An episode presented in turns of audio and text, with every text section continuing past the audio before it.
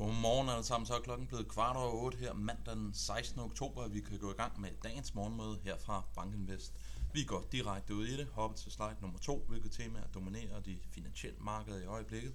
Jamen først og fremmest så så vi i fredags, at vi havde en Michigan Consumer Confidence Indicator, som var med til at vinde stigninger til fald på det amerikanske aktiemarked.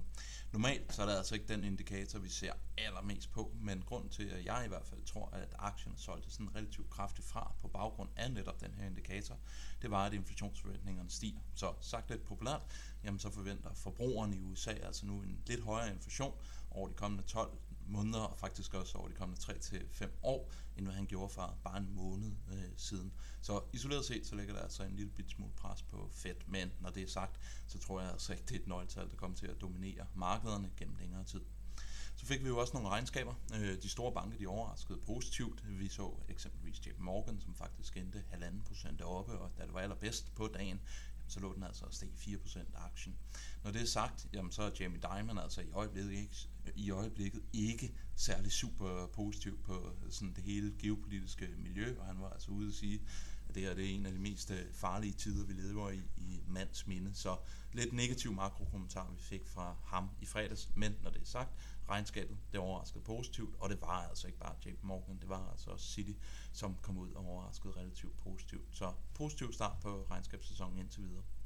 Her over weekenden, jamen, der har vi fået lidt yderligere kedelige øh, geopolitiske nyheder. Vi har set, at USA de forsøger igen, igen, igen at begrænse Kinas adgang til semiconductors, og det er altså ved at komme med yderligere restriktioner, således at Kina ikke kan omgå de nuværende restriktioner, der allerede er på plads.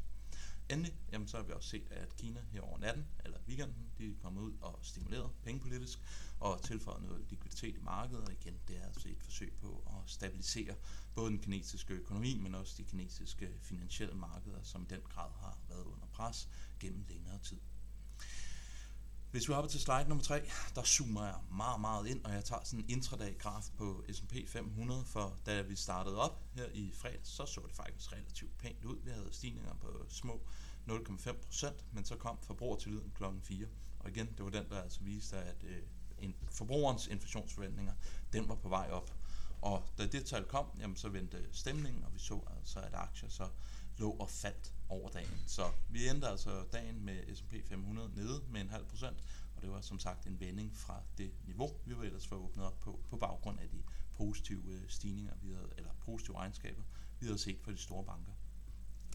Selvom vi faldt øh, i fredags, jamen, så er det altså værd at bemærke, og det her det er de ugentlige afkast, at vi i sidste uge faktisk havde et positivt afkast på S&P 500. Så det er nu anden uge i træk, at vi ser positive afkast, og det følger jo altså en meget, meget kedelig september måned, hvor vi ellers så negative afkast uge for uge, øh, ja, stort set hver uge op igennem september måned. Så positivt, at vi i det mindste på den parameter har fået vendt øh, trenden en lille bit smule. Hopper vi til slide nummer 5, der viser udviklingen i MSCI All Country målt i euro, og 313, det er altså ikke lang vej fra de 321, der var topniveauet, og der blev sat i medio september måned. Så det er altså lidt en illustration på, at der er altså stadigvæk nogle ting i det finansielle marked, der kører, og et par gode uger, jamen, så kan den her, det her aktieindeks altså meget, meget hurtigt være tilbage til all-time highs. Så indtil videre, så er der altså ikke en helt stor øh, panik og spore på det her indeks i hvert fald. Ser vi på fredagens markeder, jamen, så var vi faktisk vidne til en relativt kraftig øh, defensiv rotation. Vi så, at defensive aktier og low vol aktier, det var de eneste faktorer, der sluttede plus, og så så vi relativt store øh, fald på de cykliske aktier. Det var altså i høj grad drevet af de her store fangmandaktier, som i sidste uge havde en lidt udfordrende periode. Og ser vi på slide nummer 7, jamen der er altså de her inflationsforventninger for forbrugeren, og den nederste graf, det viser forbrugerens inflationsforventning over de kommende 12 måneder, og den øverste graf, det viser forbrugerens inflationsforventning over de kommende 5 år. Og begge indikatorer, de hoppede altså op, og det kommer altså på et lidt kedeligt tidspunkt, for nu har vi jo lige set inflationsrapporten her i sidste uge, som også overraskede på opsiden. Så desværre, så virker det altså ikke til, at øh, forbrugeren fortsætter den her trend, han ellers har været i, i op igennem 2023, hvor han sådan mere eller mindre kontinuerligt har revideret ned hans øh, Øh, forventninger til inflationen over de kommende 12 måneder. Så forhåbentlig, så var det altså det sidste spike opad, vi har set, og vi kan forhåbentlig, som sagt, se noget stabilitet i den her indikator over de kommende par måneder. Og ser man bare isoleret set på øh, Michigan Consumer Confidence, nu når vi snakker så meget om den, men så kan vi altså også konstatere, at den faldt relativt øh, pænt tilbage her i sidste måned.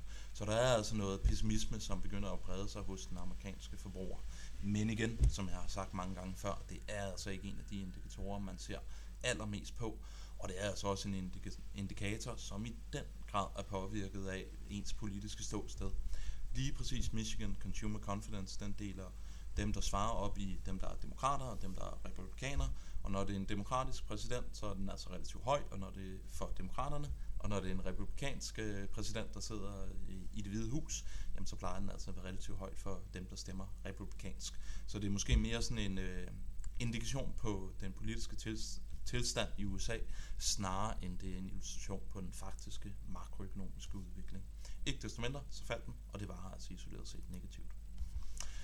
Hopper vi til slide nummer 9, jamen der viser udviklingen i den tyske 10-årige, og som I kan se, så har vi altså heldigvis, vil jeg sige, fået stabiliseret noget af den opadgående bevægelse, vi ellers havde set op igennem september måned.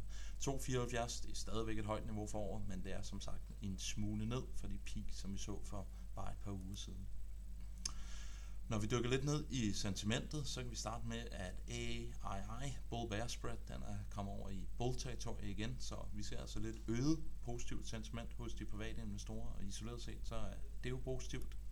Og når vi ser på Financial Advisors opgjort igennem Investor Intelligence Bullbear, jamen så begynder de altså også at få lidt øget optimisme ind. Så på en bred kamp, så synes det altså til, at sentimentet mod de finansielle markeder, det blev altså bedre herover sidste uge. Og så er der jo rigtig, rigtig meget snak om krigen i Israel, og hvad den kommer til at have betydning på de finansielle markeder. Det er opgjort her på slide nummer 12. Det er altså udviklingen i brændt olie fra forskellige øh, uroer eller krige, som vi har set i Mellemøsten. Og som vi kan se, så er det altså sådan over en bred kamp ikke den helt store effekt, som krig i Mellemøsten har haft på oliepriserne.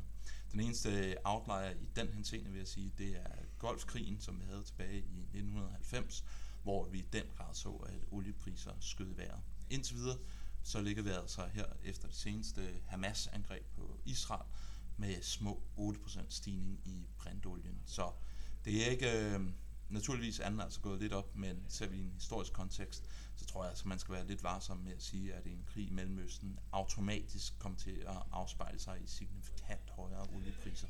Noget, der kunne være med til at drille de finansielle markeder i takt med, at det vil presse øh, inflationen op. Og den sidste graf, jeg har taget med i dag, ja, det er sådan lidt en, en kuriositet, vil jeg sige. Det er, hvor mange måneder har inflationen overstreget det target, som de forskellige centralbanker havde, har haft.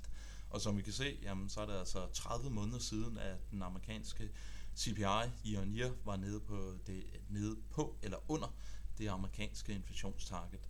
Og hvis vi ser fra Europa, så er det altså 25 måneder siden. Så det er altså lidt en indikation på, at mange af de her store vestlige lande, det er altså efterhånden ved at være et godt stykke tid siden, at vi har haft en inflation, som har været nede på centralbankens officielle målsætning. Når man ser lidt på emerging markets, dem vi har ude til højre, så ser det altså markant bedre ud, og der ser vi altså et noget lavere inflationspres, end hvad vi gør for de vestlige økonomier. Min øh, sidste opsummeringsslide her på slide nummer 14, hvad kommer til at være i fokus i dag? Jamen først og fremmest så er det altså en relativt stille dag med hensyn til både makro og med regnskaber. Vi får et regnskab for S&P 500 her i dag, og så kommer der altså en stor by over den her uge, hvor der er flere af de store selskaber, blandt andet Tesla, som skal ud og afrapportere. Det vi får makro, det er Empire Manufacturing, det kommer her i, øh, i dag faktisk, og det bliver spændende at se, om den kan indikere en eller anden styrkelse i den amerikanske fremstillingssektor. Så skal vi nok have lidt fokus på det her kinesiske stimuli, som vi har set her over weekenden, og inden så kan vi konstatere, at amerikanske aktiefutures, de er plus, men vi ser generelt set negative marked i Asien. Med disse ord, jamen, så ønsker jeg alle sammen en rigtig, rigtig god dag, og vi høres ved i morgen.